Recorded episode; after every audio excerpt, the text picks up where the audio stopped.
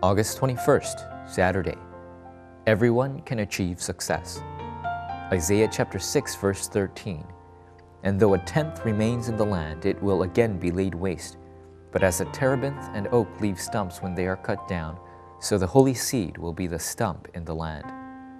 Because God called us to enjoy absolute success, we need not be afraid of failure and endow ourselves with the basics. Basics refers to a firm foundation and fundamentals, no matter what, and a humble attitude. If we fail to have the basics in place, it is difficult to do what comes next. When we go out into the world and leave the impression that we do not have the basics in place upon others, we will not be entrusted with important works.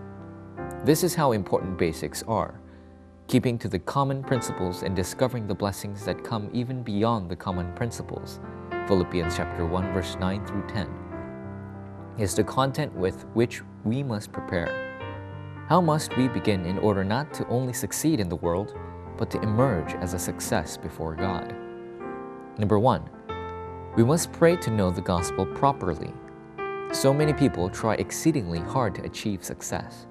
Some people battle for success with their very lives. But there is something we must never forget. There are people who crumble without achieving their desired success, but there are still those who attain success and yet one day are utterly ruined by their own spiritual problems. The reason for this is simple. If we do not know the gospel, ultimately, we will be unable to overcome the forces of darkness and fail. More than anything, we must know the gospel properly and enjoy it. If we know what the gospel is, we know the answer to all of our problems. At this point, the gospel that I have realized will be connected to everything through evangelism. This is the prayer by which we can enjoy the gospel. Number two, we must pray to enjoy evangelism correctly.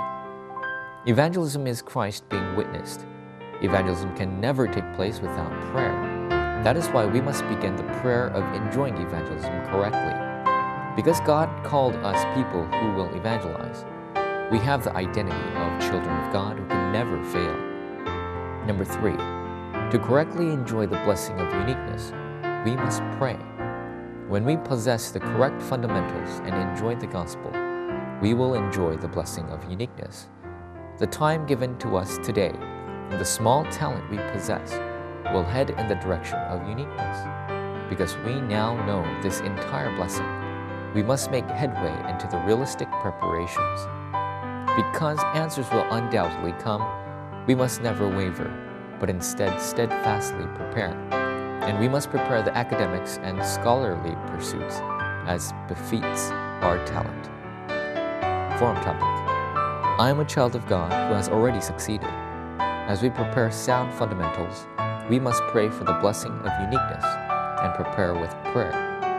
Meditate deeply and organize what you must begin anew and prepare today.